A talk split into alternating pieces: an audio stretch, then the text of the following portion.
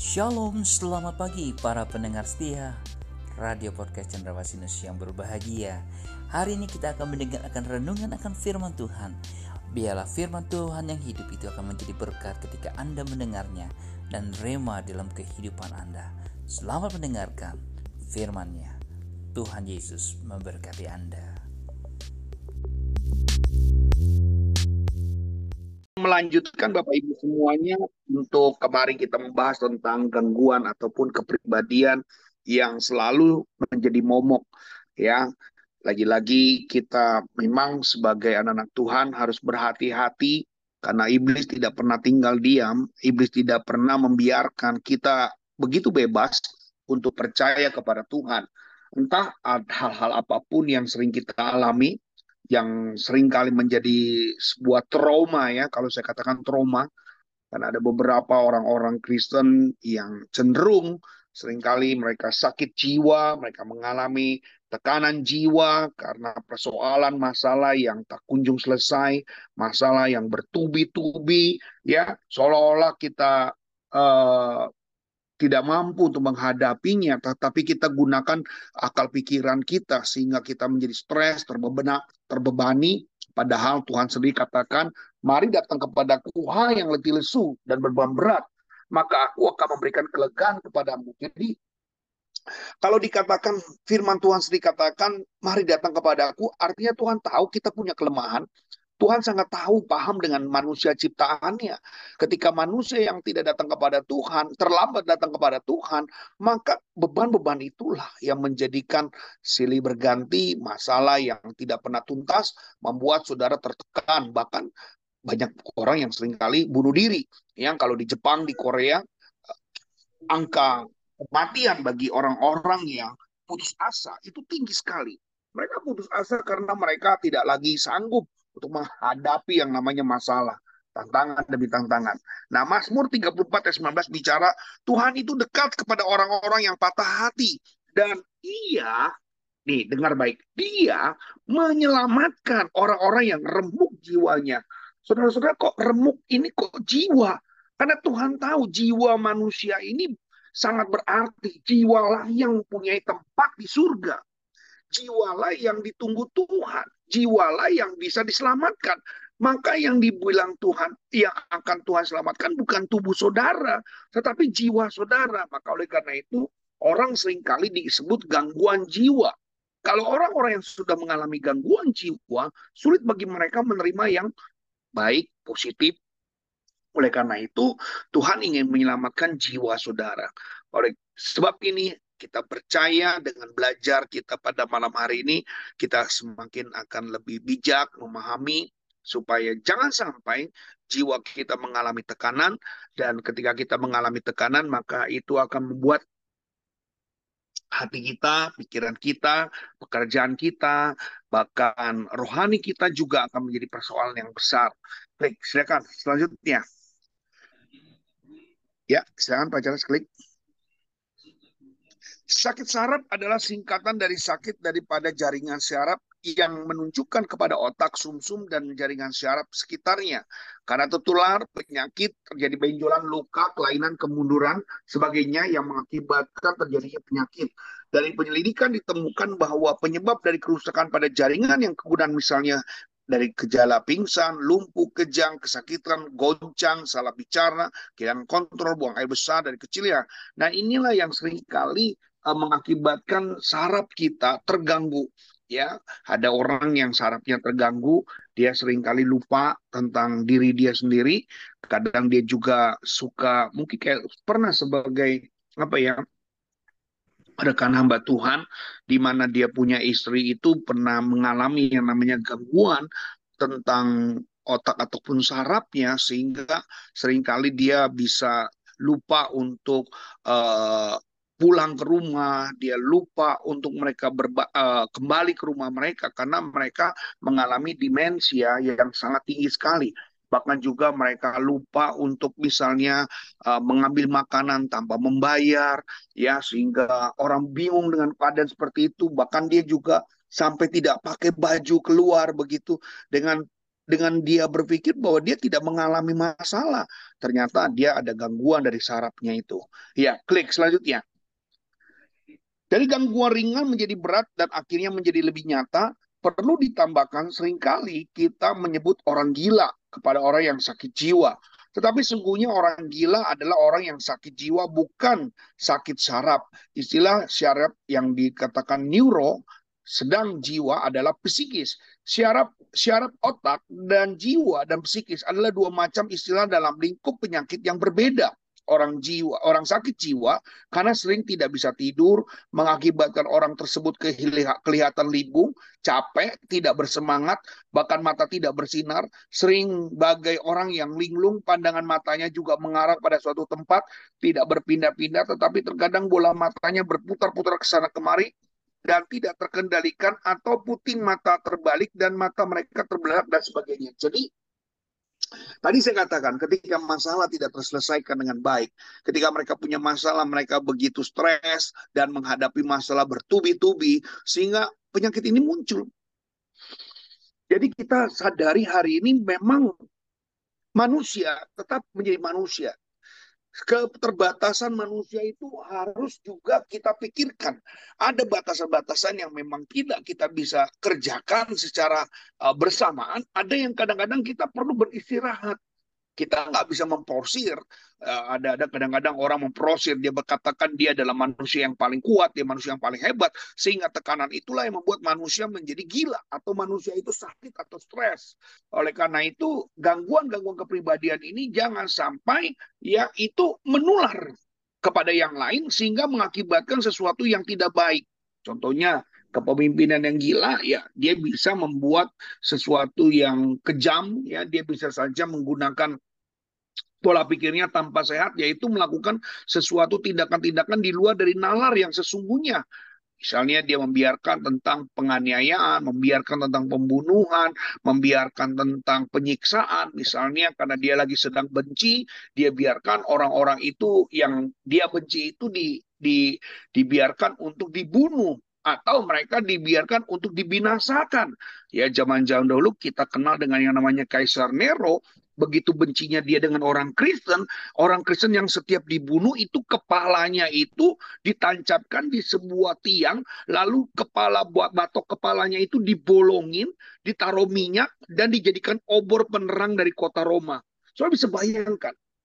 Jadi sakit jiwa ini betul-betul bisa mengakibatkan orang itu jadi sadis, Orang itu begitu kejam tanpa berperi kemanusiaan dan hal itu dilakukan. Salah satunya juga uh, seorang yang bernama Adolf Hitler. Apa yang dilakukan dengan Adolf Hitler? Dua juta anak dia sebagai seorang yang genosida ya, pembunuhan massal yang dilakukan oleh seorang yang bernama Adolf Hitler. Dia begitu stres dengan keluarganya, dia benci dengan orang Yahudi, tetapi dia kembalikan kebenciannya kepada anak-anak Yahudi hampir 2 juta anak-anak Yahudi yang dibunuh oleh kaisar oleh seorang yang bernama Adolf Hitler itu hampir mereka put, dibuntungin kepalanya. Jadi waktu saya pernah pergi ke Israel dan saya masuk ke dalam museum Israel yang di mana orang-orang Nazi Hitler pernah membunuh orang-orang Yahudi, khususnya adalah anak-anak, hampir 2 juta orang. Saya bingung. Pada waktu itu saya bertanya, kenapa kok tiang-tiangnya ini seperti orang yang tidak dibangun dengan selesai? Buntung-buntung begitu. Jadi tiang kan biasanya lurus-lurus, kok ini tiang berantakan begitu. Seperti kayak sengaja di, tidak diselesaikan ternyata memang itu ada kisah ceritanya. Itu menandakan bahwa pada waktu kaisar uh, bukan kaisar ya, pada waktu Adolf Hitler sebagai seorang uh, pembunuh kejam di Jerman itu yang membunuh banyak orang Yahudi, mereka rata-rata membunuh dengan memutuskan kepala anak-anak pada saat itu. Jadi bisa kita bayangkan hanya orang-orang yang punya kelainan jiwa yang membunuh anak-anak saja dengan membuntungkan atau menumpaskan lehernya tanpa leher. Jadi anak-anak kecil yang mati itu rata-rata tidak ada lehernya. Karena lehernya itu dibuntungin, saudara. Saudara bisa bayangkan, hanya orang-orang yang sakit jiwa yang mengalami masa seperti itu. Ya, kalau tidak sakit jiwa, dia ngapain? Anak-anak itu nggak usah dibuntungin kepalanya juga. Kalau memang kita udah tembak, ya mati, selesai. Tapi kenapa? Dia punya rasanya kepuasan kalau dia udah buntungin kepalanya. Nah, ini adalah bagian-bagian orang yang kejiwaan. Ada orang yang kayak tadi katakan kemarin saya saya sampaikan Rian, dia ini seorang uh, gay, ya di mana dia ketika dia sudah berhubungan seks dengan uh, pria yang dia uh, setubui, ya jadi pria dengan pria, rata-rata pria yang melakukan hubungan seks dengan dia, dengan Rian, itu dibunuh semuanya hampir ada 16 mayat yang ada di dalam rumahnya. Sudah bisa bayangkan, kalau bukan kelainan jiwa, ini nggak akan pernah mungkin terjadi. Ya, klik selanjutnya. Orang sakit jiwa suka berbicara, dapat berulang-ulang membicarakan hal yang sama berjam-jam, lamanya tanpa merasa bosan, sedang memaksakan orang lain mendengar ocehannya, sehingga orang masa, merasa bosan namun sulit untuk menghindarinya, kacau balau dalam pembicaraannya, menjawab tidak sesuai dengan pertanyaan yang ditanyakan, tidak dapat mengingat perkataan yang baru dikatakan, membuat orang merasa lucu terhadapnya, kalau tidak dia akan berbicara diselingi dengan bernyanyi, tertawa, sendirian Bahkan dia akan berteriak dengan suara yang aneh, akan tetapi dia tidak dapat berbicara dengan bahasa lain. Bahkan sering kali dia lupa dengan bahasa asing yang pernah dia kuasai dan berkata-kata dengan sembarangan. Klik. Selanjutnya. Orang yang sakit jiwa, suara yang didengar kebanyakan adalah suara yang bersifat mekanik, yang berulang terus-menerus secara teratur dan berkata-kata yang tidak bermakna, yang tidak dimengerti orang lain. Gerakan selalu mau dipengaruhi oleh halunisasi yang dialaminya, sehingga sering menolak makanan yang diberikan, melukai dirinya sendiri, bahkan orang lain.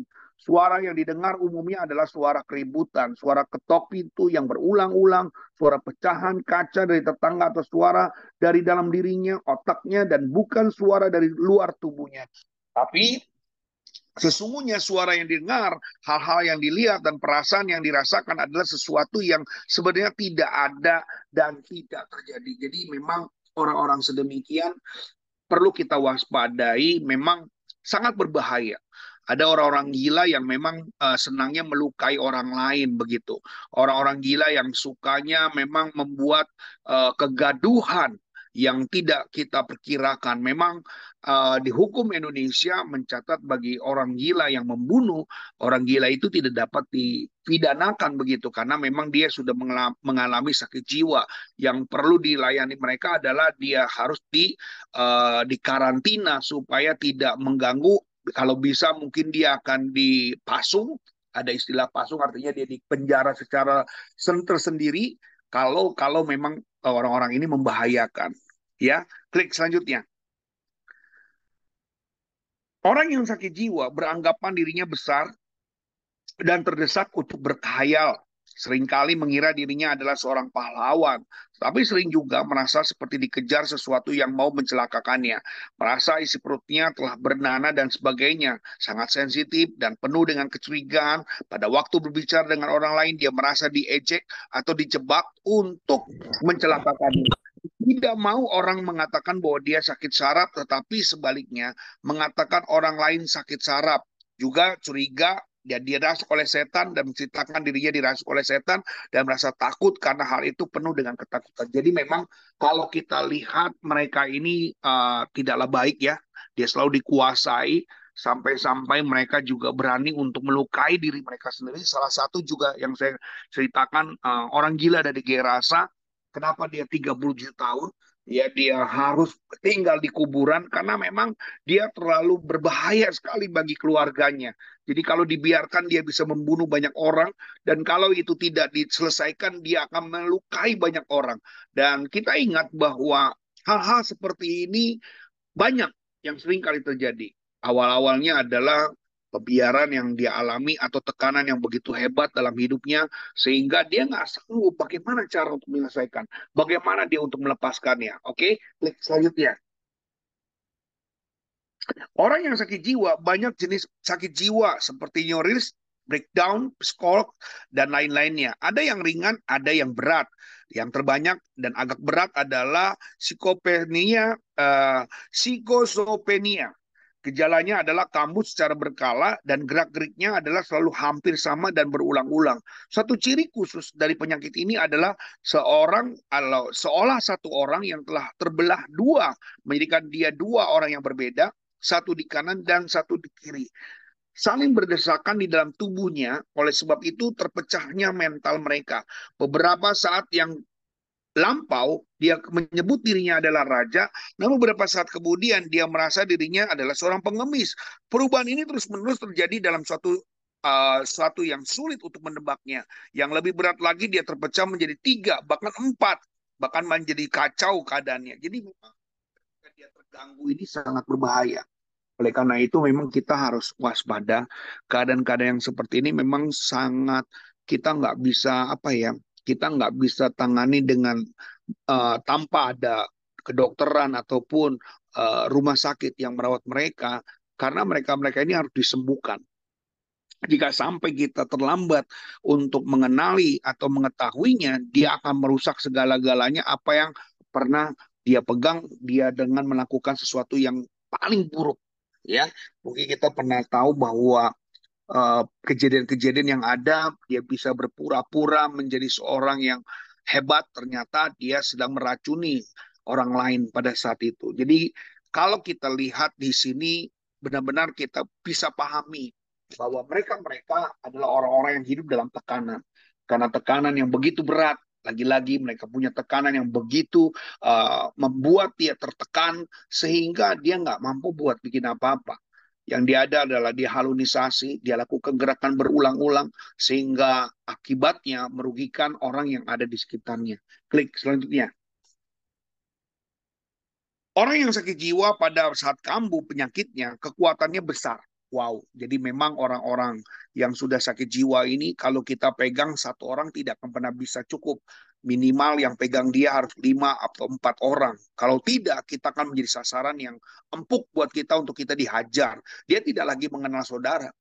Jadi jangan sampai orang gila itu sepertinya mengenal saudara dan dia uh, sengaja memukul saudara. Tidak, dia itu gelap. Pada waktu dia memukul saudara, dia tidak tahu kalau itu saudara dan dia kenal saudara. Biasanya dia sudah lupa dengan apa dan siapa kita. Dia sudah lupa.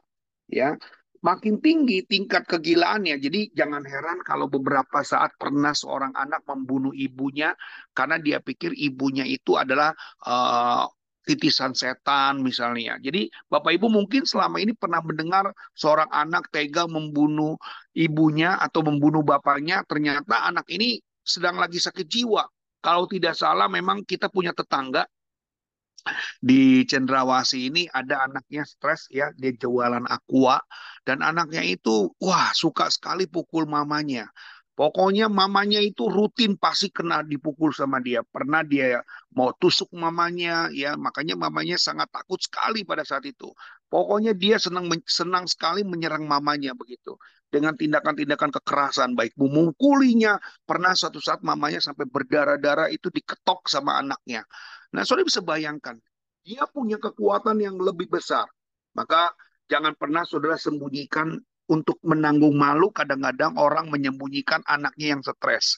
Karena dia kalau ketahuan dia akan malu sama tetangga malu dengan keluarga sehingga anaknya itu disimpan di rumah. Hati-hati saudara karena dia akan kembali menyerang dan dia bisa menyerang dan dia tidak tahu kalau saudara itu adalah orang tuanya. Kadang dia ingat, kadang dia lebih banyak lupanya. Jadi Bapak Ibu uh, kenali juga kalau misalnya kita ketemu dengan saudara kita atau teman kita yang memang sudah sempat mendengar gosip atau mendengar kabar simpang siur kalau anaknya lagi sedang dalam keadaan stres, baru saja diputus pacar atau sekolah tidak lulus, pekerjaan PHK, dan dia punya pekerjaan gagal terus, sehingga anak itu jadi pendiam, dan lama-lama menunjukkan karakter yang nggak baik. Saya cuma katakan, saudara jangan menyimpan karena saudara takut malu, tapi saudara harus berkonsultasi dengan psikolog ataupun dengan dokter supaya anak ini sebelum terlambat bisa disembuhkan. Karena terlalu lama kita memberikan pertolongan sehingga rasa uh, sakitnya itu sudah makin menjadi-jadi gitu.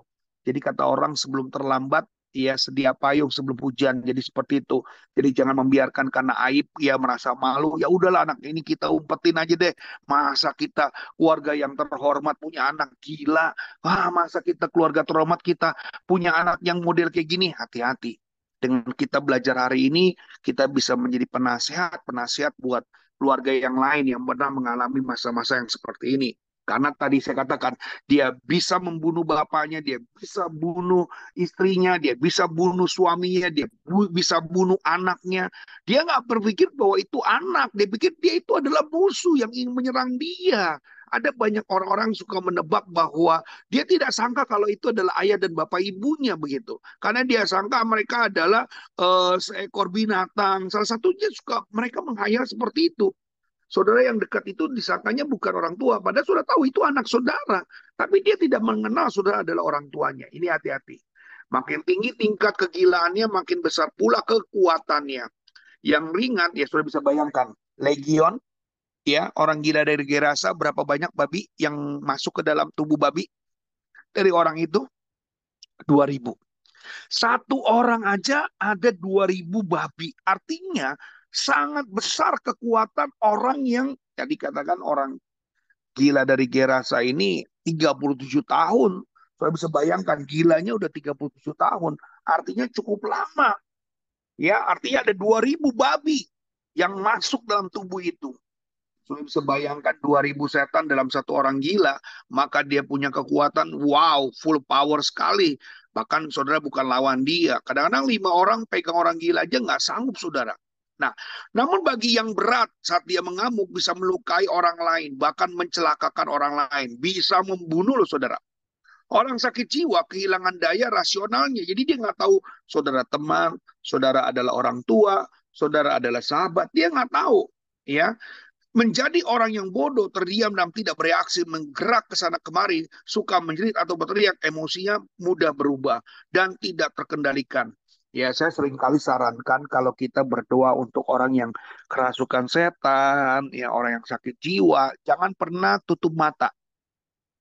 Kalau saudara berdoa untuk orang-orang yang stres, orang yang gila, ya orang-orang yang ketahuan memang sakit jiwa, jangan berdoa tutup mata. Kalau saudara bertutup mata, habis melek, saudara bisa bisa ditonjok, diludahi ya pernah suatu saat saya waktu itu saya berdoa bagi orang yang sedang dalam keadaan kurang baik kurang sehat jiwanya ya saya diludahin saudara. Ya karena saya nggak tahu saya pikir ya orang ini kalau didoain diem begitu. Enggak diludahin loh saudara muka saudara. Jadi saudara bisa jaga jarak ya kalau waktu berdoa dengan orang-orang yang sedemikian saudara diizinkan untuk buka mata. Karena menjaga fisik saudara juga juga jangan sampai akhirnya dia menyerang balik buat saudara dan jadinya ceritanya konyol begitu. Ya pakai hikmat kita. Emosinya sudah berubah dan tidak terkendalikan. Ketawa menangis apa terkendali mimik wajah berubah dan saudara jangan gabungkan dengan keluarga saudara yang normal. Jujur saya katakan saudara harus mengalah bahkan saudara harus menyadari jangan sampai ego saudara gara-gara saudara takut malu takut diceritain dengan tetangga sehingga saudara satukan yang sehat dengan yang gila. Dia cuma bilang yang gila tetap gila, yang sehat jadi gila. Jadi saudara harus pahami kalau saudara bergabung dengan gabungin keluarga saudara dengan yang gila karena saudara takut malu, takut aib sehingga saudara biarkan yang jadi adalah yang gila tetap gila, yang waras jadi gila. Jadi saudara harus berhati-hati. Kalau kita tidak uh, egois, kalau kita memang mau menganggap itu bukanlah sesuatu yang harus diumbar, harus diceritakan sehingga saudara sembunyikan. Saya cuma bilang saudara harus berhati-hati. Ya, melakukan gerakan-gerakan yang tidak bermakna, tidak mengatur dirinya dalam urusan berpakaian ataupun makan minumnya. Jadi orang gila jangan bilang dia bisa mandi. Dia nggak pernah mau mandi, saudara. Dia nggak pernah tahu. Dan dia udah nggak tahu lagi bau, dia nggak tahu lagi. Jadi pencernaannya juga nggak akan pernah. Makanya jangan heran, kok orang gila tetap sehat ya makan apa pun, ya dia sakit cuma tetap sakit sudah, cuma dia udah nggak bisa cerita. Makanya banyak orang gila yang cepat mati karena apa? Waktu dia sakit dia udah nggak bisa. Coba saudara ke dokter diam aja, dokter kasih obat apa? Bapak Ibu pernah ke dokter ya? Dokternya tanya sakit apa, saudara diem. Saudara sakit apa? Cuma dipegang badannya panas. Padahal gak badan panas gara-gara sakit giginya atau ucusnya bengkak dikasihnya obat yang salah. Makanya orang gila sering kali banyak mati, banyak yang meninggal. Karena apa? Karena kesalahan obat. Karena orang gila ditanya sakit apa, dijawab nggak? Enggak. Dan dokter akhirnya apa? Mencoba-coba. Kenapa nih kok badannya panas? Dikasih obat ini, obat ini. Nggak cocok. Karena apa ya? Karena nggak cerita. sama kayak kita, kita pergi ke dokter yang mahal, spesialis, dokter, ya pokoknya profesor. Kalau saudara dokter ke dia, tapi saudara diam saja, yakin profesor pun dia tidak tahu saudara sakit apa. Kalau saudara nggak cerita. Profesor tahu, kenapa? Gejalanya sudah ceritakan. Dok, saya kenapa ya kalau malam saya begini? Nah dokternya ambil tuh kesimpulan. Dok, kenapa ya? Kok saya kalau habis makan kenyang misalnya kayak gitu. Dokter kan memprediksi. Ya, dokter akan bilang, saya juga sama. Kalau habis makan saya kenyang begitu. Paling tidak alur cerita Bapak Ibu itu sudah bisa menjadi kesimpulan dokter. Maka sudah sembuh karena alurnya tepat. Dokter bisa temui, oh orang ini sakit ini. Nah kalau orang gila, dia mau cerita apa? Ngomong aja kagak bisa, rasa aja dia tidak tahu, warna aja dia nggak ngerti.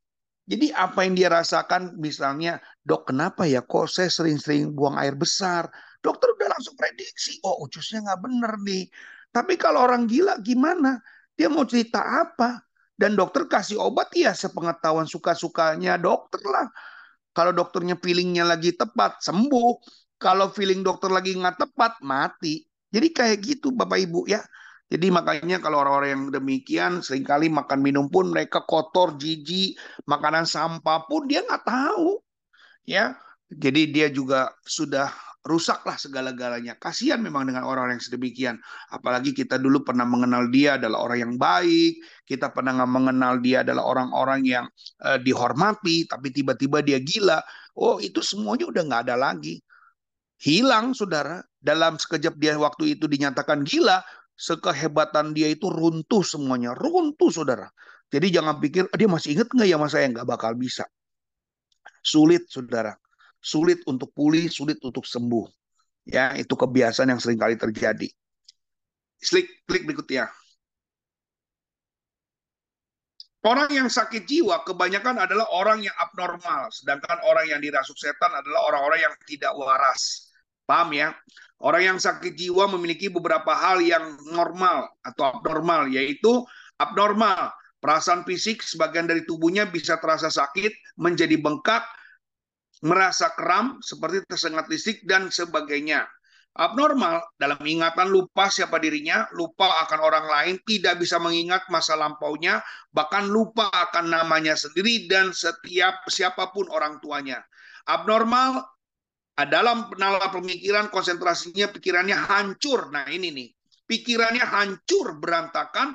Kadang ia nggak bisa pikir lagi dalam satu hal dan sudah berpindah ke hal yang lainnya. Tidak mempunyai hubungan satu dengan yang lainnya, pikirannya kacau. Beliau sehingga sulit untuk ditebak orang lain dan ia berbicara dengan sembarangan. Jadi saudara jangan pikir kalau dia sudah mengalami kayak gini, jangan harap saudara dia masih mengenal saudara adalah familinya. Jadi jangan coba-coba kalau dia memang eh, orang yang agak agresif, jangan coba-coba dekat, jangan kasih dia barang-barang uh, apa ya, barang-barang yang tajam, barang-barang yang membahayakan karena dia akan melukai saudara. Terus terang karena kita pikir ya kan masih dia anak saya dia nggak tahu kalau saya adalah bapaknya tiba-tiba bapaknya ditusuk dari belakang karena dia merasa bapaknya itu selalu melarang dia mengganggu dia dan dia nggak tahu kalau saudara itu adalah orang tuanya. Jadi hati-hati. Maka saran saya adalah cepat dibawa ke dokter atau di rumah sakit untuk dipisahkan dengan yang normal. Ya, jangan sampai saudara karena aib, karena malu, karena takut, ya sudah biarkan itu di rumah saudara tinggal bersama-sama dengan yang normal. Stres lah yang normal ya. Nanti yang yang gila mati, yang normal lanjut jadi gila. Terus klik berikutnya. Abnormal dalam gejolak emosinya tidak stabil, rasa cemas tidak aman. Nah, tadi rasa tidak aman ataupun rasa yang cemas itu, dia merasa saudara itu adalah musuh. Ya, kadang-kadang dia menganggap saudara itu pengganggu. Ya, makanya kalau orang gila kalau dimarahin bukannya dia melotot saudara, dia makin marah, makin gak senang saudara. Mudah marah, frustasi, keinginannya untuk bunuh diri terjadi. Abnormal dalam gerakan dalam keadaannya suka tegang, kaku, dan kejang. Abnormal dalam keadaan rasio terkadang merasa bimbang, cemas ya keadaannya pingsan, kacau balau, takut tanpa alasan, senang bercampur aduk dan sebagainya. Jadi memang hal-hal yang sedemikian hati-hati ya kecenderungan mereka kalau kita di gereja keringkali kita menemukan orang yang sedemikian ya kita harus waspada bisa-bisa dia sangat membahayakan sekali. Ya, dia bukan misalnya uh, dia bukan si Joni lagi, bukan Joni yang pernah kita kenal dulu begitu. Walaupun dia memang adalah Joni, tapi Joni yang bukan yang dulu lagi. Jadi saudara jangan menganggap bahwa dia akan menjadi Joni lagi. Ya, hanya mungkin melalui obat ya jangan makanya orang gila itu uh, ketika dia dikasih obat penenang dia nggak boleh lepas ketika obat itu habis dia bisa kambuh dan sangat membahayakan. Klik lanjut. Orang yang sakit jiwa ini merupakan poin berakhir tetapi bisa juga menjadi langkah untuk menentukan. Langsung menanyakan kepada dia yang eh, apakah percaya kepada Yesus adalah anak Allah, percaya bahwa Tuhan Yesus adalah Tuhan yang berinkarnasi menjadi manusia, percayakah dia dengan kuasa daripada darah Tuhan Yesus, percaya dan maukah menerima Kristus sebagai juru selamat, Mungkin pada masa lampau dia sama sekali belum pernah mendengar tentang nama Yesus sehingga dia merasa sama sekali tidak mengenal. Dia terkadang seperti mengerti tetapi juga tidak mengerti. Terkadang mereka seperti bodoh dan tidak mengerti apa pun karena dia telah kehilangan daya pikir dan pengertiannya. Apabila terus ditesak dan ditanya, mungkin dia akan menangis, tertawa, berteriak dan membuat orang lain merasa lucu.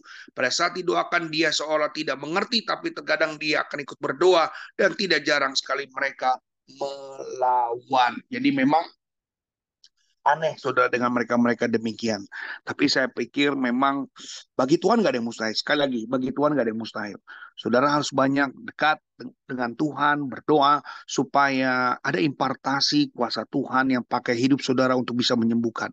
Dan uh, sedikit sekali talenta-talenta, karunia-karunia yang Tuhan izinkan di mana sudah bisa menyembuhkan orang yang sakit. Dan saya percaya kalau ada saja satu, dua, tiga orang hamba Tuhan yang bisa mendoakan orang yang sakit jiwa dan akhirnya dia sembuh dan bertobat, saya rasa ya ini akan menjadi satu apa ya viral bagi orang Kristen. So bisa bayangkan orang Kristen bisa menemukan orang-orang yang uh, sakit jiwa ini sembuh dan akhirnya dia mengenal uh, dirinya sendiri dan dia akhirnya kembali kepada keluarganya. Why not? Nah, ini kita minta kuasa. Jadi selama kita memang sungguh-sungguh saya percaya Tuhan akan pakai saudara untuk bisa memulihkan bagi mereka-mereka. Klik berikutnya. Nah, bagaimana orang yang dirasuk setan? Jadi tadi yang sakit jiwa, saat ini yang dirasuk setan. Ya, jadi bedakan orang sakit jiwa dengan yang dirasuk setan. Pada kasus orang yang dirasuk setan, sering kali terjadi secara mendadak. Yaitu setan aktif masuk ke dalam tubuh jasmani. Pada waktu itu istri saya, Buni, dia pernah bercerita, pada waktu itu dia KKR. Nah, di saat KKR, teman-temannya itu melihat melihat pekerjaan Tuhan dengan bahasa roh. Nah, teman-teman gerejanya dengan bahasa-bahasa roh itu karena orang retreat kadang-kadang ikut retreat karena mau jalan-jalannya. Ikut retreat karena disubsidi, murah. Jadi mereka ikut retreat karena murah, karena dianggap jalan-jalan, dan dianggap juga bisa cari jodoh. Jadi pada ikut retreat nih. Nah, tiba saat pada habis firman Tuhan, ada yang namanya artakol. Dia nggak maju, mereka nggak ada yang maju. Tapi pada waktu itu pendeta yang habis khotbah itu berdoa dengan bahasa roh. Karena dia nggak pernah jadi orang Kristen dari awal, karena ikut-ikutan, karena ingin ikut retreat yang gratis, ya murah. Kalau gereja bikin ada itu kan murah tuh, ya ah, biaya harusnya lima ratus ribu, enam ratus ribu, karena disubsidi hanya dua ratus ribu. Pada ikut tuh, ya tiga hari dua malam. Nah, tiba pada saat itu, pendeta itu berdoa dengan bahasa roh, anak ini dengar. Dan kata-katanya gampang, bisa diikutin. Sudah tahu apa yang terjadi? Di kamar dia praktekin. Di kamar dia pegang teman-teman kepalanya. Dan dia ikutin apa yang dilakukan oleh pendetanya itu. Dengan bahasa-bahasa seingat dia pada waktu dia lihat itu pendeta berdoa. Sudah apa yang terjadi? Apa yang terjadi? Pemudi ini kesurupan, saudara. Pada waktu dia bicara seperti itu, ya, dia kesurupan. Dia kesurupan lebih hebat dan orang kaget. Dia teriak-teriakan dengan mata melotot dan wah keram kejang dan dia seperti guling-gulingan. Dia bisa jadi berubah jadi macan, dia bisa berubah jadi kucing. Wah pokoknya aneka ragam yang dialami dia. Akibatnya tadi dia main-main dengan roh Tuhan, dia main-main dengan roh kudus yang masuk setan, saudara. Namun disebut mendadak pun dapat dicari penyebabnya. Kebanyakan sebabnya karena keluarga. Dia sakit, terlalu percaya dengan tahayul, dibawa ke dukun, minum-minum air. ya. Nah ini juga hati-hati. Kemarin Marina sudah cerita ya bagaimana pada waktu itu diajak untuk didoakan, uh, dijemput supaya ahli-ahli yang katanya ini uh, orang pintar ya kalau kita datang orang pintar berarti kita orang bego ya ya dia datang dan dia mau bikin uh, sesamba uh, apa sesajen untuk keluarganya Pak Ahok. Untung saja beliau masih mendengarkan apa yang hamba Tuhannya sampaikan begitu. Jangan begitu ya. Dan bisa saja hal itu terjadi, saudara. Sering bergaul dengan dukun-dukun juga hati-hati ya. Cari-cari uh, apa yang namanya opo-opo, jimat-jimat ya itu wah harus hati-hati ya. Kemudian akhirnya itu bisa menjadi dampak buat kitanya juga nggak baik ya kita kan namanya ngundang setan waduh setan udah diundang emang bisa yang namanya dikembalikan lagi nggak mau setan setan udah diundang dia akan tetap cari saudara setan diundang dia tetap akan mampir kenapa karena saudara udah manggil resiko kalau saudara ngundang kuasa kegelapan itu yang terjadi coba main-main jalangkung saudara Wih, saudara bisa di bisa apa diikuti selama tiga bulan, saudara. Ada orang cuma main jalangkung-jalangkung. Rumahmu di mana? Udah datang, saudara tinggalin dia kabur. Nah dia diem di mana? Diem di situ, balik maning. Dia hajar lah saudara. Makanya kadang-kadang kita nggak sadar dengan kadang-kadang yang seperti ini. Ya, ciri utama ada cahaya mata yang menunjukkan sesuatu yang kejam. Jadi kalau orang yang kerasukan setan matanya melotot, kadang-kadang putihnya ke atas, ya Wah, kalau sudah lihat keadaan kejadian seperti itu liar, ganas, sangat menakutkan, mendesak, mendesar, ya. Namun bagi orang Kristen yang memiliki hidup Kristus di dalamnya dengan berani menatap matanya, karena yang jahat itu tidak dapat menang terhadap yang benar dan yang dia yang akan menjadi getar dan akan menurunkan pandangan matanya. Jadi saudara-saudara, kalau orang yang kerasukan setan, jangan saudara lupa pandang matanya, liatin matanya, plototin matanya. Dan dengan katakan dalam nama Yesus. Dalam nama Yesus. Dan saudara juga ingat. Si pendoanya juga harus adalah orang yang suka berpuasa, suka berdoa. Jadi bukan orang yang sekejap langsung musir setan. Ya, ingat dulu ada anak Imam Skewa.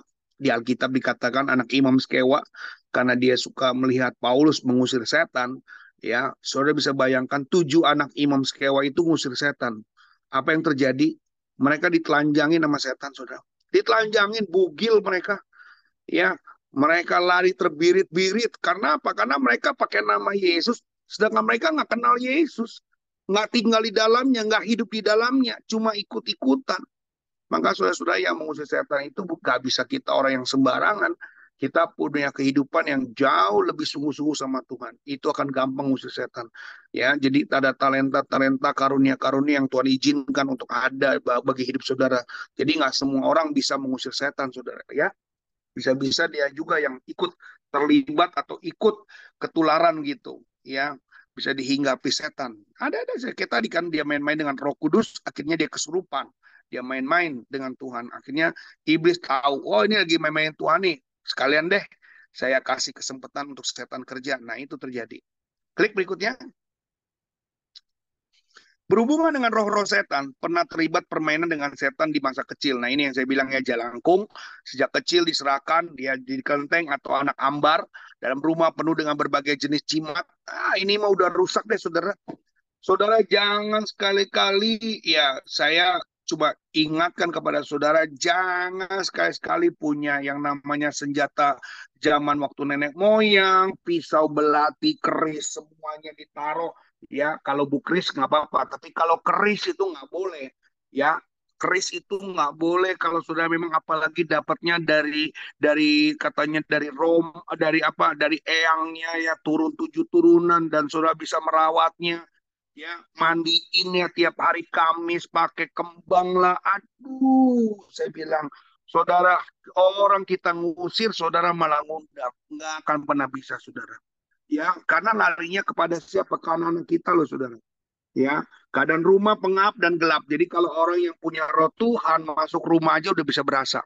Bapak Ibu, kalau kita punya roh Tuhan dalam hidup kita, kita masuk rumah yang ada sesuatunya aja berasa loh saudara. Kok rumah ini bawaannya panas, kok rumah ini baunya pengap ya, kok rumah ini bawanya kayak ada wangi-wangian ya. Karena apa? Karena sudah sudah ada roh Tuhan, itu dengan sendirinya bisa terdeteksi. Saudara sepertinya membawa radar yang bisa mendeteksi keadaan-keadaan situasi rumah-rumah yang yang masih ada di, dihuni ya. Saudara tidak pernah apa namanya tidak pernah jujur kalau rumah itu pada waktu mau dibangun pakai kepala kebo ya. Kemudian pakai sesajen. Hati-hati saya katakan. Ditanam dengan kepala kebo ada perjanjian darah di dalamnya. Ingat ditanam dengan kepala binatang kepala binatang di dalam rumahmu ada perjanjian darah nah perjanjian darah ini nggak bisa nggak bisa berhenti kalau belum ada pertumpahan darah Saudara jangan coba-coba ya bangun. Oh biar ini pakai kepala kebo nih, pakai kepala kambing nih. Wah di rumah saudara selalu ada perjanjian darah yang akibatnya mengganggu entar rumahnya anaknya dikit-dikit kecelakaan. Saudara harus waspada. Cerita dengan Bapak Gembala. Kalau saudara memang ada mengalami, aduh Pak, Pak Yul kenapa ya kok saya selalu ada masalah ini, masalah ini. Saudara jangan tertutup ya, karena kan bukannya uh, sesuatu yang aib itu ya kalau sudah cerita dengan orang yang benar itu akan menolong. Tapi aib yang enggak sudah ceritakan dengan orang yang enggak benar itu jadi gosip. Ingat ya cerita yang yang diceritakan dengan orang yang benar itu akan menjadi satu solusi tapi kalau sudah cerita dengan orang yang enggak benar itu jadi gosip jadi saudara harus hati-hati ya dengan Bapak Gembala, ya ada Pak Asam, ada Pak Cies, ada Pak Joy, ya boleh ceritakan pengalaman saudara yang nanti mereka akan diskusi. Kami punya punya ruang untuk diskusi kalau terjadi apa-apa ya biasanya kami nggak akan uh, menjalankan sendiri-sendiri gitu. Kami akan kasih tahu ini ada apa nih, ada masalah apa nih. Jadi kita betul-betul tugas kami membantu Bapak Ibu semuanya. Jadi jangan biarkan kenapa ya kok rumah saya nih saya diberkati Tuhan tapi kok sering kehilangan uang begitu ya. Saya tanya sama istri saya kok istri saya bilang enggak. Saya tanya sama anak saya enggak kok tapi uang saya sering hilang. Jangan-jangan rumah saudara ada yang taruhin tuyul misalnya seperti itu ya. Tuyul kan suka ngambil-ngambil uang. Nah saudara merasa iya kenapa kalau tiap malam Kamis saya nggak beli bunga, nggak beli kembang. Tapi rumah saya tiap Kamis tuh kayak bau kembang. Dan saya pernah mimpi ataupun saya pernah melihat ada bola api tepat jatuh di, rumah saya. Nah, saudara harus ingat ya, jangan jangan sampai saudara yang hal demikian yang harusnya memang dikerjakan oleh hamba-hamba Tuhan yang Tuhan sudah suruh untuk lakukan membantu jemaatnya sudah diem-diem gitu. Eh sudah panggil dukun sudah panggil orang pintar sudah panggil paranormal sudah panggil alternatif. Tanyanya sama mereka ya selesai ya setan undang setan ya terjadilah persekutuan setan. Betul nggak? Setan harusnya lawan siapa? Lawannya anak Tuhan. Hadirkan roh Tuhan supaya setannya pergi. Roh Tuhan yang bertata. Jadi jangan setan undang setan, setan undang setan ya kumpulan persekutuan kakak setan. Masa kita bikin kumpulan kakak setan? Ya ini yang harus saudara hati-hati. Akan tetapi hal ini membuka pintu dan memberikan peluang untuk masuk di dalam perangkap setan. Orang yang dirasuki setan lebih suka menyendiri. Itu. Kurang mau berbicara, suka teriak-teriak, jerit-jerit yang tidak jelas, suara-suara yang menakutkan kadang-kadang, dia bisa menghalunisasi, bahkan dia bisa, nah, kalau orang yang sakit jiwa, bahasa asingnya itu lupa. Tapi kalau orang kerasukan setan, malah pengen ngomong bahasa asing. Nah, ini kan satu pengalaman saudara kan. Coba kalau saudara nggak ikut Zoom, nggak ngerti dong ya kalau orang sakit jiwa bahasa asingnya itu hilang. Tapi kalau orang yang kerasukan setan pengennya ngomong bahasa asing. Ya bahkan dikatakan 25 macam bahasa asing tiba-tiba dia bisa. Dia keluarkan suara wanita kadang-kadang dia keluarkan suara pria ya dia tiru suara orang yang sudah meninggal dan itu sangat membuat orang menakjubkan. Makanya hati-hati.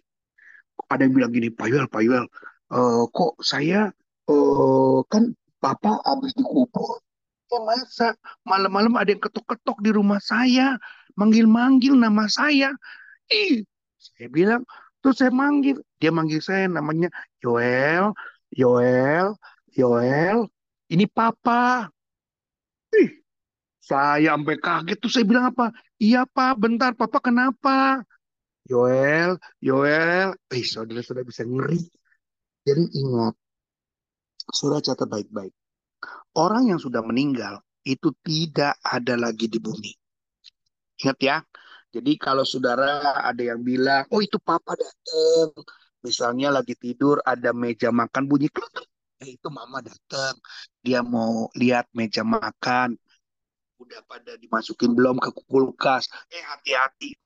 Saudara yang sedang berhalunisasi, yang sedang mengimani, yang sedang berngomong yang kayak gitu dalam nama Yesus, jangan pernah terulang lagi. Ya, ada bunyi sesuatu, anggap orang tua yang lagi datang. Ada bunyi kletok dikit, ada yang bilang itu nenek datang. Hati-hati, sudah. Catat baik-baik. Orang yang sudah meninggal itu tidak ada lagi. Ya, mereka tidak ada lagi. Kita udah dengar dong, ya, firman Tuhan waktu kita bilang uh, bahwa pada waktu Lazarus yang mati, dia nggak ada lagi di bumi ini Ya, jadi orang yang meninggal itu tidak ada lagi di bumi. Ya, dia tempatnya udah beda. Jadi saudara jangan sampai dibodoh-bodohi. Jadi saudara harus paham betul nih.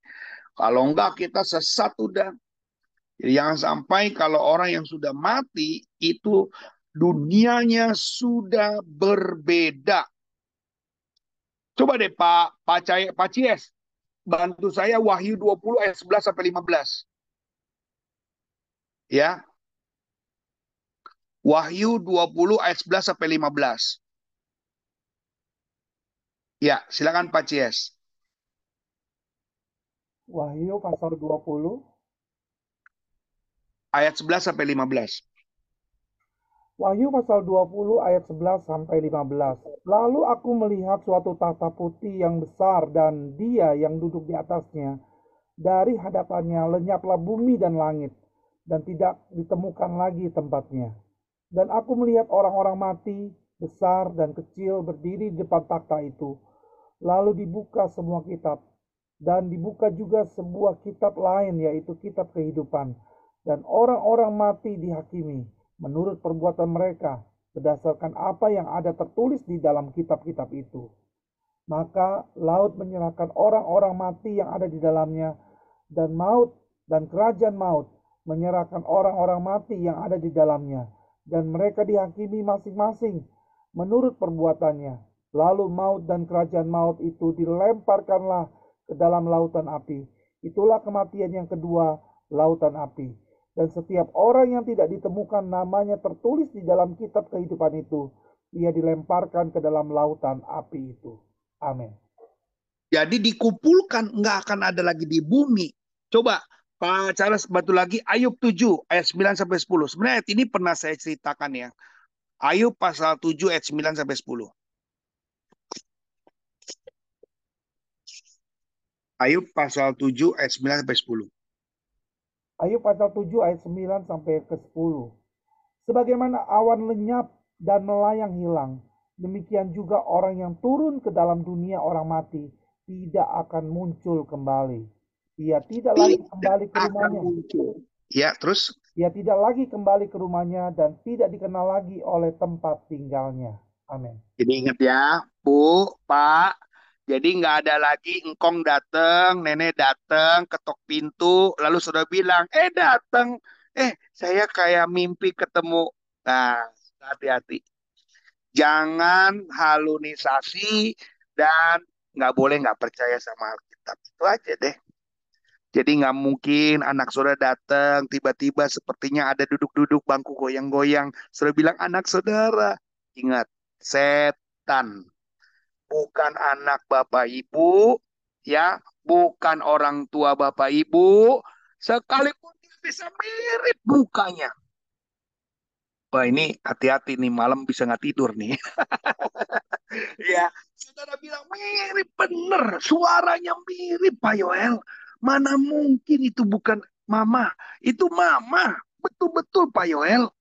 Itu anak saya, itu papa saya. Hati-hati. Ya. Pak Charles tadi udah baca. Ulang lagi deh Pak Charles biar yakin lebih keras Pak Charles. Ayub, silakan. Ayub pasal 7 ayat 9 sampai yang ke-10. Nih, dengerin ya Bapak Ibu. Sebagaimana awan lenyap dan melayang hilang, demikian juga orang yang turun ke dalam dunia orang mati tidak akan muncul kembali. Ia tidak lagi kembali ke rumahnya dan tidak dikenal lagi oleh tempat tinggalnya. Amin. Amin. Buktinya gini, Pak, Bu, waktu bom Bali itu kan bom Bali yang dibunuh berapa? Hampir ribuan orang loh. Ribuan orang. Kalau dia bisa hidup lagi, dia bisa jadi manusia lagi. Kenapa itu si Amroji nggak dikeroyok aja yang ngebom? Si Amroji. Amroji kan yang ngebom mereka kan. Yang bikin mereka mati. Dokter dokter Ansari juga. Ya kan? Kenapa yang kejar polisi? Kenapa nggak 3000 mayat-mayat itu mengejar mereka Amrozi sama si dokter Ansari? Kenapa dokter Ansari yang matiin siapa? Polisi-polisi yang tembak si dokter Ansari waktu melawan. Ya kan dokter Ansari itu ditembak sama polisi tepat di jidatnya. Kenapa nggak 3000 4000 orang-orang bule tuh yang dibunuh, yang mati karena meledak? Kenapa bukan dia yang ngejar? Tadi dikatakan lagi kan, udah nggak ada lagi. Jadi Bapak Ibu udahlah jangan halusinasi. Uh, pokoknya makanya kita pinter-pinter deh baca Alkitab, belajar Alkitab supaya saudara itu makin hebat. Saya senang ya walaupun ini cuma berapa 15 orang di Zoom. Ya atau juga ada bapak ibu suami istri atau anak-anak yang lagi dengerin ayo ingetin tuh Pak Yola udah ngomong di kitab Ayub pasal 7 ayat 9 10 nggak ada lagi orang mati. Udah dah kalau ada yang mati saudara jangan sampai stres mikirin. Dia balik lagi dia nakut-nakutin. Makanya apa? Kenapa takut? Karena nggak pernah berdoa. Kenapa saudara jadi gemeter? Karena nggak pernah berdoa. Ya Iblis takut dengan orang yang berdoa dengan sungguh-sungguh kepada Tuhan. Kalau doa doang, iblis nggak takut. Tapi yang doa yang sungguh-sungguh, iblis takut. Amin. Amin. Haleluya. Ya, klik berikutnya Pak Charles.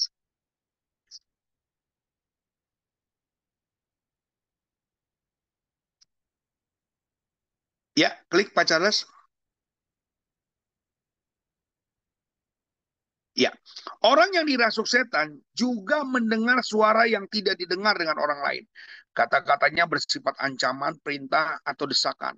Tapi kata-kata tersebut bukan tidak bermakna, sebaiknya mengandung arti yang dalam ini adalah pekerjaan setan karena dia mau menyangkal, menolak, memaki, menghujat nama Allah yang kudus, menyerang hamba-hamba Tuhan, dan sebagainya. Orang yang dirasuk setan sering menjauhi manusia dari dan hidup sendirian.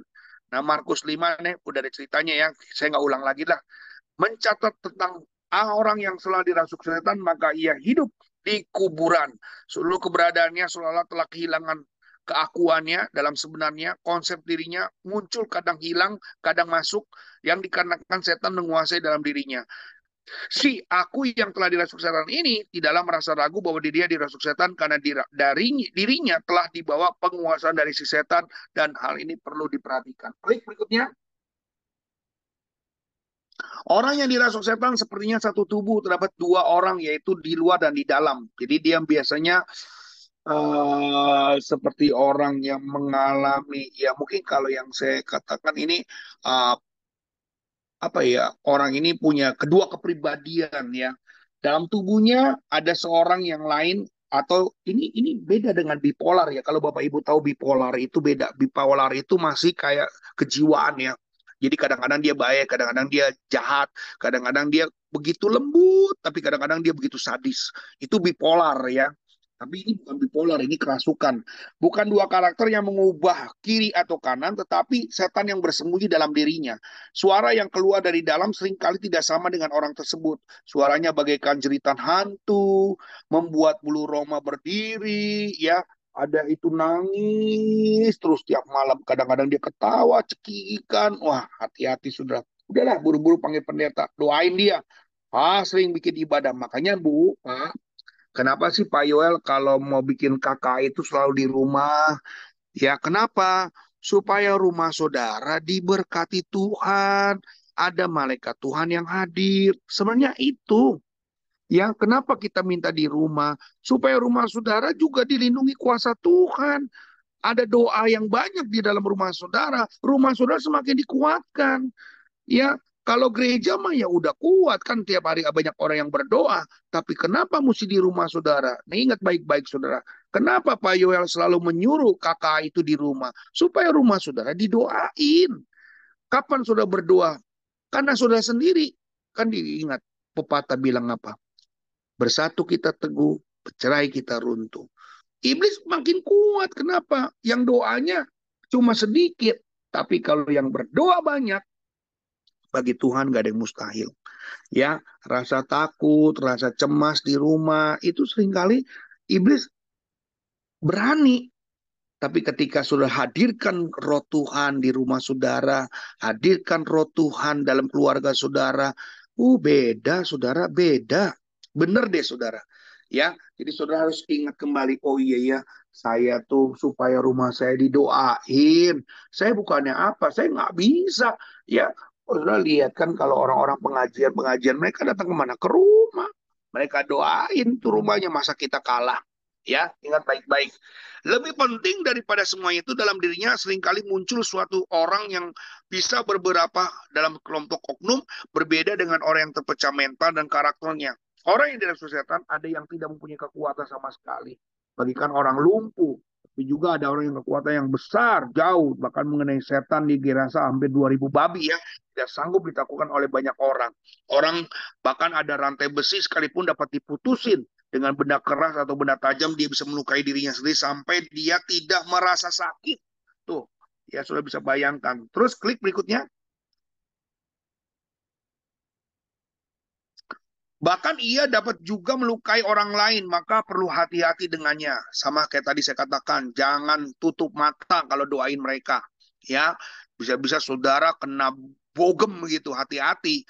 Bandingkan dengan kasus yang membacok dirinya sendiri, tidak mempan, makan beling, pecahan gelas. Makanya sudah lihat ya, uh, kayak orang-orang yang apa ya, uh, dari Ponorogo ya itu mereka main apa barong barong ya tari barong, kemudian bisa makan beling, ya atau uh, orang yang bisa pecahin kaca, jalan di paku, jalan di bara api. Uh, biasanya mereka udah di udah di kesurupan begitu.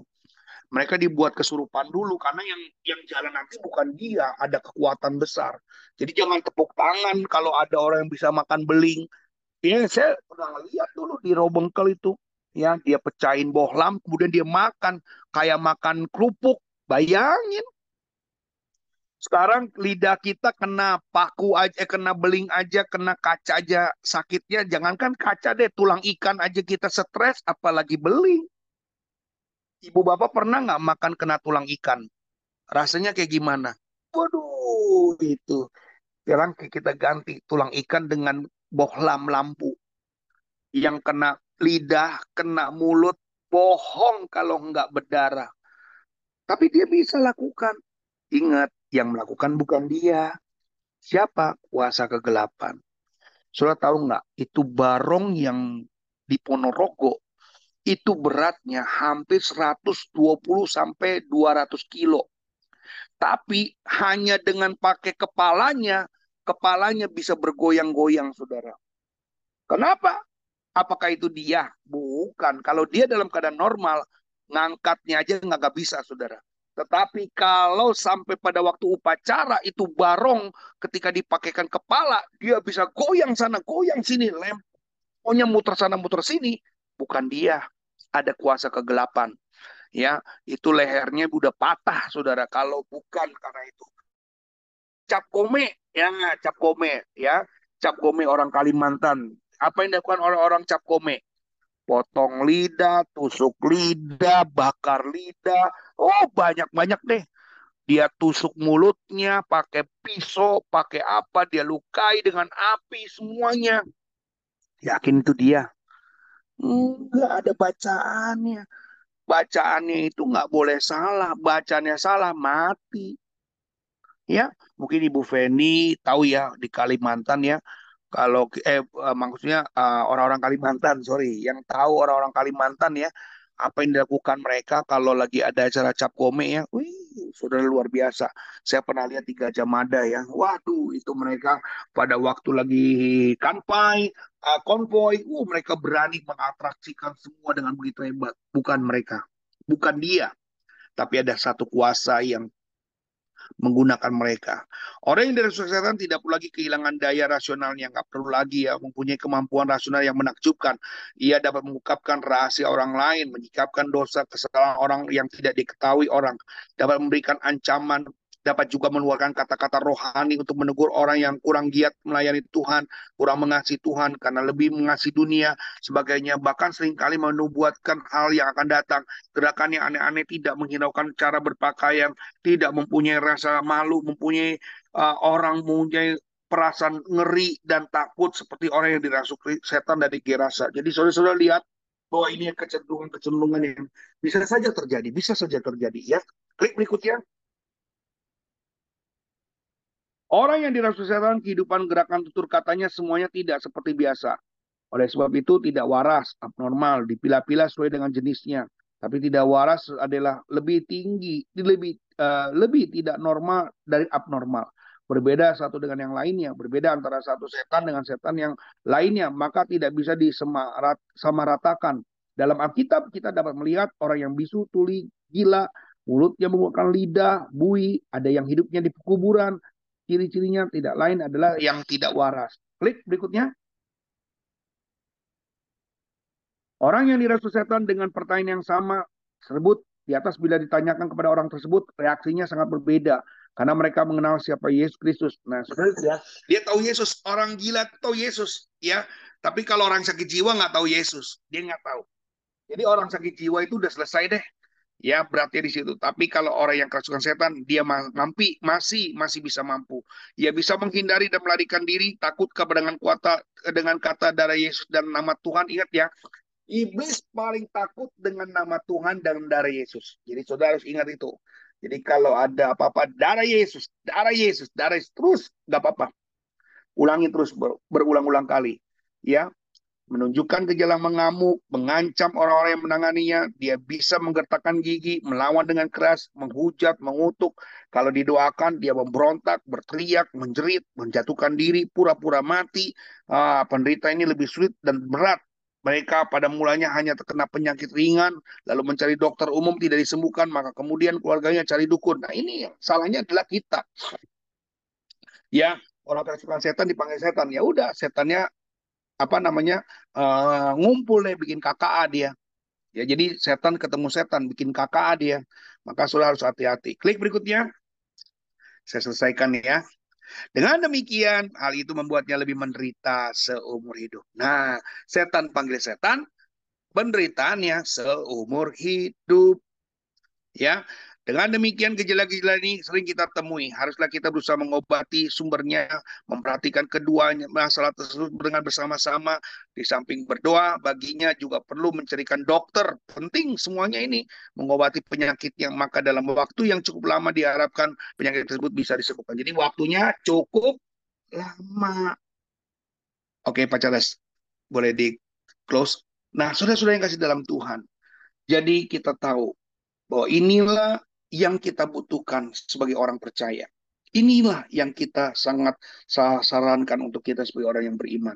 Jadi Bapak Ibu yang kasih dalam Tuhan, mulailah kita bisa waspada diri terhadap hal-hal yang sedemikian supaya lagi-lagi saya katakan kita harus jadi pemenang-pemenang ya.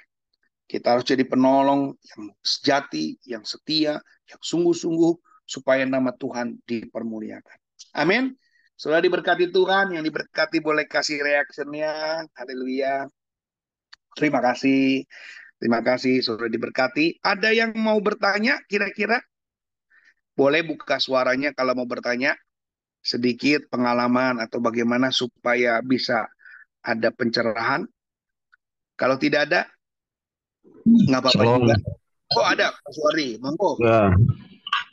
Jadi materi malam hari ini menarik sekali ya ya. tentang uh, sakit jiwa ya, gangguan-gangguan jiwa ya. Gangguan memang ya, gangguan kepribadian dan akhirnya akan menyebabkan orang itu jadi uh, gangguan jiwa juga akhirnya dan sampai kepada gila akhirnya kan. Nah ini memang banyak faktor yang menyebabkan uh, terutama masalah uh, kehidupan maaf nih dan tekanan tekanan hidup dan lain sebagainya itu uh, bisa membuat orang itu menjadi gangguan jiwa.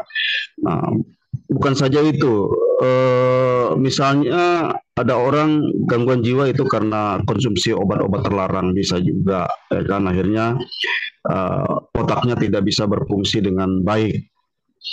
Tapi yang mau saya katakan di sini adalah semuanya ini bisa sembuh bisa sembuh. Mungkin prosesnya lama, ada yang bisa prosesnya uh, langsung bisa sembuh pada saat itu bisa. Uh, ini tentunya bukan kekuatan uh, manusia, pasti itu dari kekuatan supranatural ya, dari Yesus itu sendiri, dari Tuhan.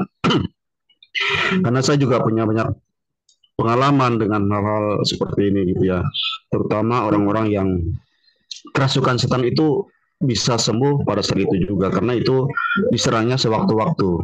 Jadi nggak nggak terus menerus dia uh, kerasukan setan, tapi uh, sewaktu-waktu. Tapi ketika dia sudah uh, didoakan dan percaya dengan sungguh-sungguh kepada Tuhan Yesus, uh, dia nggak akan lagi karena memang orang yang yang percaya sungguh-sungguh kepada Tuhan Yesus sebetulnya tidak bisa dirasuk oleh setan. Dan setan nggak bisa masuk dan dia pasti takut ya karena uh, roh kegelapan dengan roh terang itu nggak mungkin uh, bisa bersatu dan pasti dia akan uh, takut. Dan ini yang yang saya katakan ya. Uh, setan itu ya tadi Pak Jul wah luar biasa sekali menjelaskannya itu sangat jelas sekali. Kalau misalnya kita berhadapan dengan orang-orang yang seperti ini nggak sembarangan ya. Jujur dulu ada seorang pendeta yang coba-coba doakan orang kerasukan setan, uh, mungkin tutup mata dia doanya diserang, dicakar-cakar. Itu seorang pendeta itu.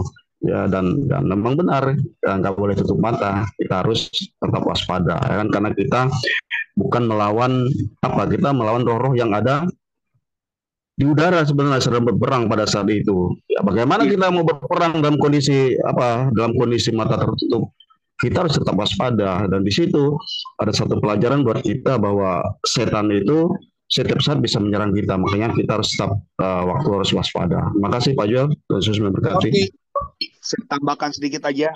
Ya, jadi memang tadi sudah saya sampaikan bisa sebentar, bisa lama. Bagaimana kita? Kalau kita datangkan orang itu tepat dengan orang yang tepat, cepat sembuh. Tapi kalau kita datangkan dengan orang yang tidak tepat, artinya gini kita pakai orang ahli pinter, orang yang pinter. Dan saya cuma kasih ingatkan lagi, bagi orang yang pernah kerasukan setan, hati-hati. Charles bantu saya coba baca Lukas 11 ayat yang ke-6. 26 Pak Charles. Lukas 11 ayat 26 Pak Charles. Tolong Pak Charles. Lukas 11 ayat yang ke-26. Iya.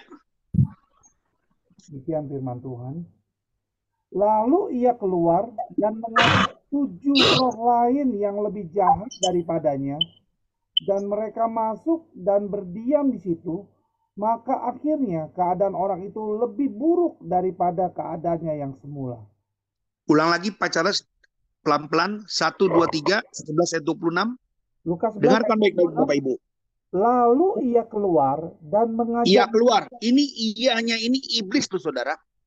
Jadi dia habis selesai kerasukan dan dibebaskan, dilepaskan dari iblis ini. Terus dan mengajak tujuh roh lain yang lebih jahat daripadanya. Dan mereka masuk dan berdiam di situ, maka akhirnya keadaan orang itu lebih buruk daripada keadaannya yang semula. Jadi harus datengin dia setia sama Tuhan. Kalau enggak tadi, ya. Jadi Bapak Ibu, kalau orang yang sudah kerasukan setan, didoakan sembuh, hati-hati. Kalau saudara nggak gunakan waktu itu untuk kenal Tuhan, jumpa sama Tuhan, uh, setannya malah lebih jahat lagi, lebih jahat Itu Alkitab yang ngomong bukan saya.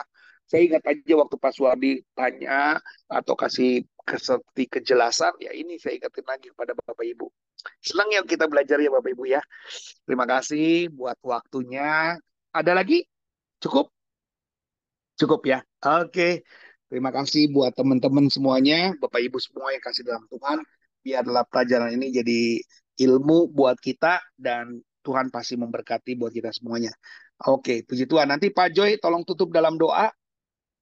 Dan nanti Ibu Kilengin besok ya, ini bisa jadi rekaman kita juga. Kalau tadi pagi juga rekaman kita yang Senin kemarin ya. Yang hari ini biar jadi berkat buat kita. Shalom, Tuhan berkati. Silakan Pak Joy.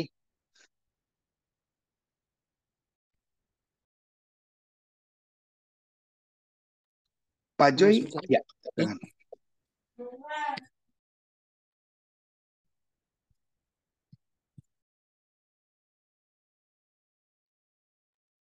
Ya, silakan Pak Joy.